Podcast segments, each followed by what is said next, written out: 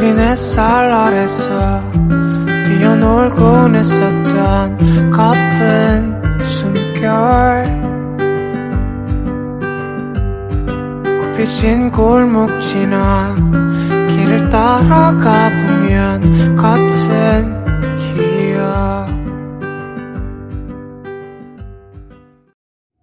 Halo semua, selamat datang lagi di segmen movie pertama di bulan Februari dan gak kerasa ya 2022 kemarin barusan tahun baru tiba-tiba sekarang udah Februari aja Januarinya udah hus lewat. Tapi gak apa-apa. So sekarang hari ini aku akan mereview tentang salah satu k-drama Korean drama yang lagi populer banget yaitu My Beloved Summer. Buat yang penggemarnya aku nggak mau bawa-bawa sebenarnya. Yang buat penggemarnya BTS V pasti tahu kalau mereka punya eh kalau dia punya sahabat namanya Choi Woo-sik itu dalam satu kayaknya mereka tuh satu circle gitu gak sih? Aku nggak tahu juga. Cuman ya itu.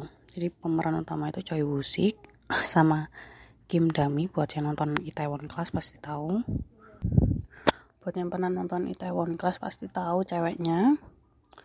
Kalau Choi Woo-sik itu main di mana ya aku lupa cuman aku beberapa kali oh ya apa sih Choi Woo-sik dia main di Parasite yang jadi kakaknya yang yang yang pertama kali apa dikenalin Pak Seo Joon untuk gantiin dia jadi guru itu loh. Nah itu Choi Woo-sik kalau nggak tahu Choi Woo-sik Kim Dami dia main di Taiwan Class. Nah jadi uh, aku aku sebenarnya lihatnya tuh banyak banget yang bisa aku petik sih. Cuman satu hal yang jadi main utama dari drama ini kalau dari yang aku ambil ya itu sebenarnya adalah pentingnya komunikasi di aspek apa pun itu pertemanan persahabatan karir. Ya ini kayak mengacu ke movie yang kemarin gitu kan. Komunikasi itu penting banget. Nah cuman sebelum bahas itunya aku mau bahas review sedikit tentang jalur ceritanya. Maafin aku ya karena suara aku agak kayak gini jadi um, alur ceritanya itu gini. Jadi mereka tuh kan uh, yang satu tuh si ceweknya itu dia tuh peringkat pertama gitu anak pinter di sekolah lah. Nah sedangkan yang cowok itu anak peringkat bawah tuh di sekolah. Nah suatu hari mereka itu di uh, diajak untuk merekam suatu dokumenter yang menggambarkan tentang perbedaan anak uh, juara kelas sama yang anak anak apa anak bontot gitu ya. Maksudnya anak yang enggak enggak enggak enggak peduli sama peringkat gitu sama anak yang peringkat paling akhir di sekolah gitu kan. Nah dari situ mereka kan gimana mau tidak mau harus melakukan sesu, segala sesuatu itu dengan bersama-sama gitu kan karena mereka harus direkam dalam suatu dokumenter. Nah dokumenter itu tiba-tiba itu sebenarnya tuh kan di udah diterbitkan atau dirilis itu 10 tahun yang lalu nah tiba-tiba di masa kini tuh dokumenter mereka itu viral viral lagi gitu kan. Nah akhirnya pihak stasiun TV itu kepingin gitu loh untuk mereunikan mereka lagi gitu kan. Nah tapi masalahnya kan reuni itu nggak gampang ya. Eh tapi ternyata nggak tahu kenapa aku nggak tahu. Jadi sebenarnya tuh kan mereka setelah dokumenter itu mereka akhirnya sama jatuh hati gitu kan si pemeran tokoh cowok dan cewek.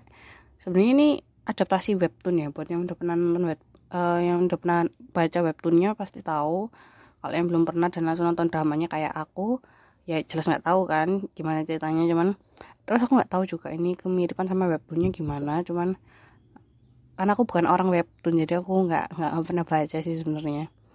Nah aku langsung nonton dramanya aja.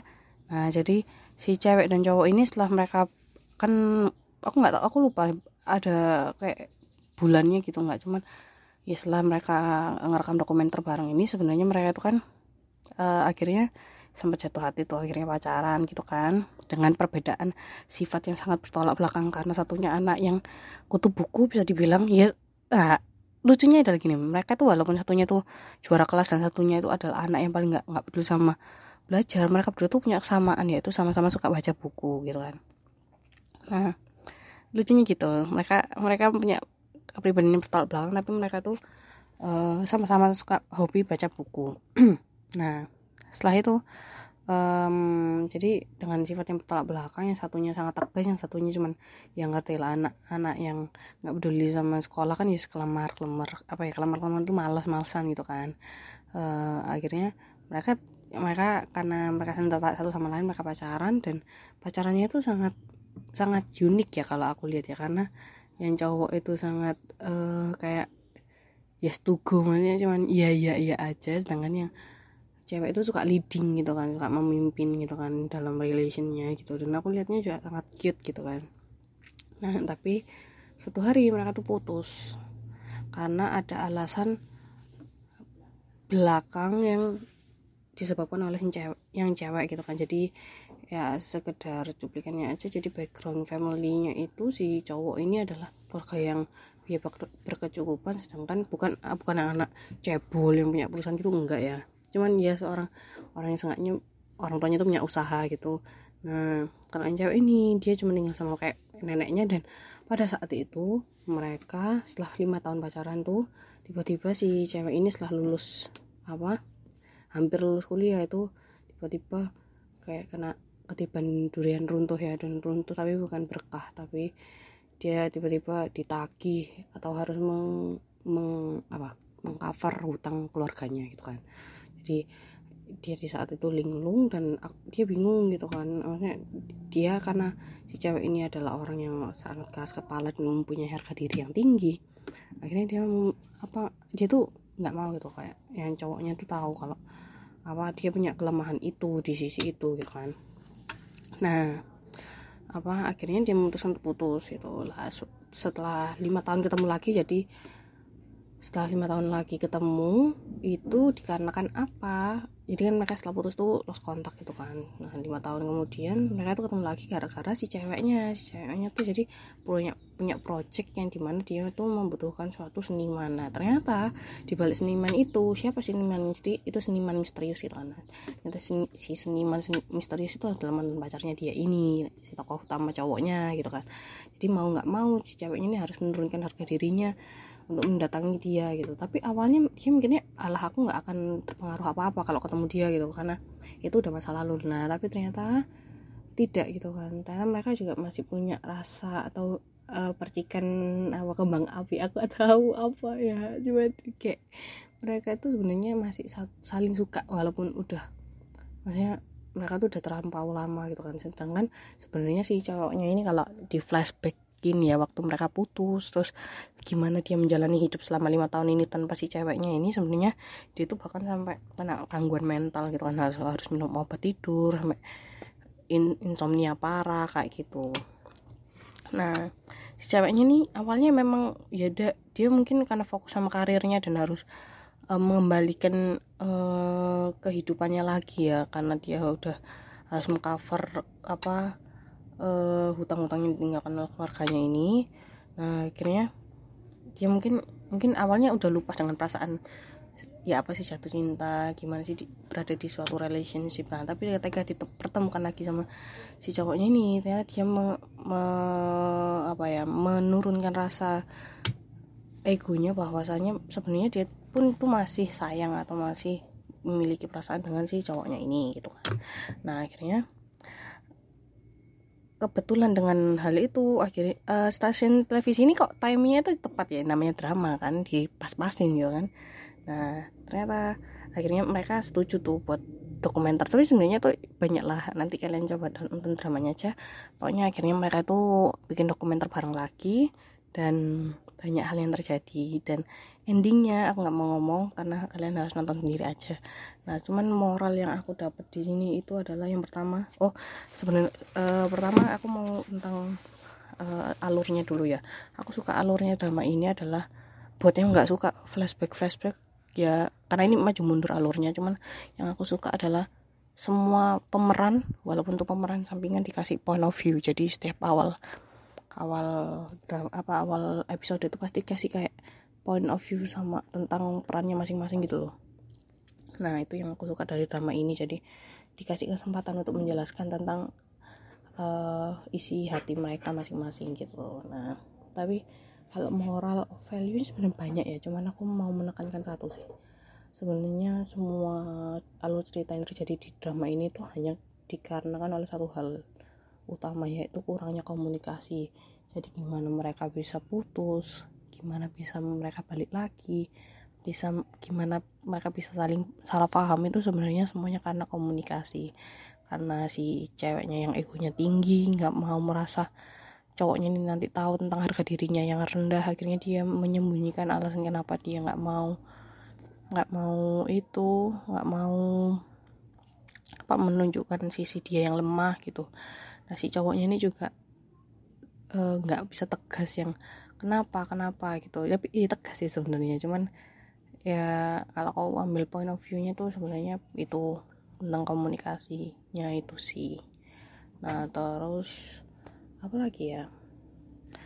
Teman-temanku banyak yang ngomong kalau itu adalah toxic relationship karena putus nyambung gitu kan. Cuman aku lihatnya nggak seperti itu sih. Karena mereka berdua ini sama-sama mengisi kekurang masing-masing dan dan apa menghargai kelebihan masing-masing. Jadi aku aku nggak merasa itu toxic relationship sih ya. Karena bukan tipikal apa relation yang toxic kayak gitu. Karena menurutku bukan tipikal relationship yang toxic lu sampai bucin gimana gitu enggak sih. Karena e, ceweknya ngelitnya itu juga bagus cowoknya ini juga yang ngikut tapi dia juga nggak yang gimana gitu sih. Cuman aku jujur aku nonton tuh sangat iri karena ada orang apakah ada orang yang punya relationship seperti itu yang cowoknya sampai sebegitunya gitu ya? Aku nggak tahu sih. Cuman kayaknya sih ada karena aku lihat beberapa temanku juga kayak gitu sih. Kan ada yang ngomong temen beberapa temen gue ada yang ngomong kalau itu relationshipnya toxic gitu gitu kan si yang di drama ini. Cuman aku nontonnya enggak sih. Itu bukan something toxic karena mereka nggak menuju ke sesuatu yang buruk kan ya?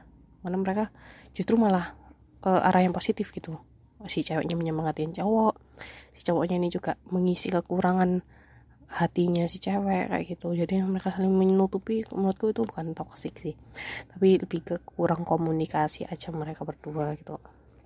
Dan ya kalau mau nonton kalau orang kalian orang yang nggak mau bertele-tele mendingan ini kan ada versi filmnya kayak eh cuman aku nggak tahu belum sempat nonton dan apa pun yang nggak suka terlalu bertele-tele atau terus yang banyak yang flashback gitu-gitu nggak usah nonton. Karena ini tipikal ada tipikal drama yang buat healing sih mungkin makanya yang fast pace nya itu sangat pelan. Makanya alur ceritanya itu pelan banget. Cuman it fun kalau menurutku ya untuk untuk yang untuk yang kepingin eh, ini ini cocok untuk healing ya. Salah tadi aku ngomong bukan untuk ini cocok untuk healing yang nontonnya pelan pelan nggak nggak yang diburu-buru terus nggak mikir banget. Itu ini cocok buat ngisi kalian yang akhir-akhir ini nontonnya drama yang terlalu berat-berat kayak gitu.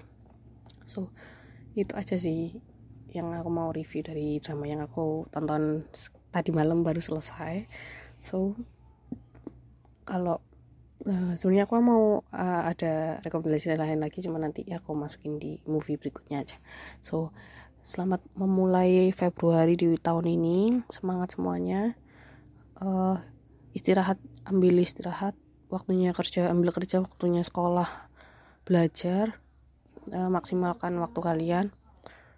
Nggak usah memaksa kalau kalian capek. Ya waktunya istirahat istirahat aku juga. Ya karena akhir-akhir ini not feel good. Tapi ya not really. Tapi I'm fine. Aku juga akhir-akhir ini udah ambil healing. Jadi aku feeling nice today waktu ngerekam ini juga so semangat buat kalian semua bye 날 가진 서랍 속에서 사갔던 서로 기억해 When I'm far from home Always 떠올라 난 아직도 반짝이던 네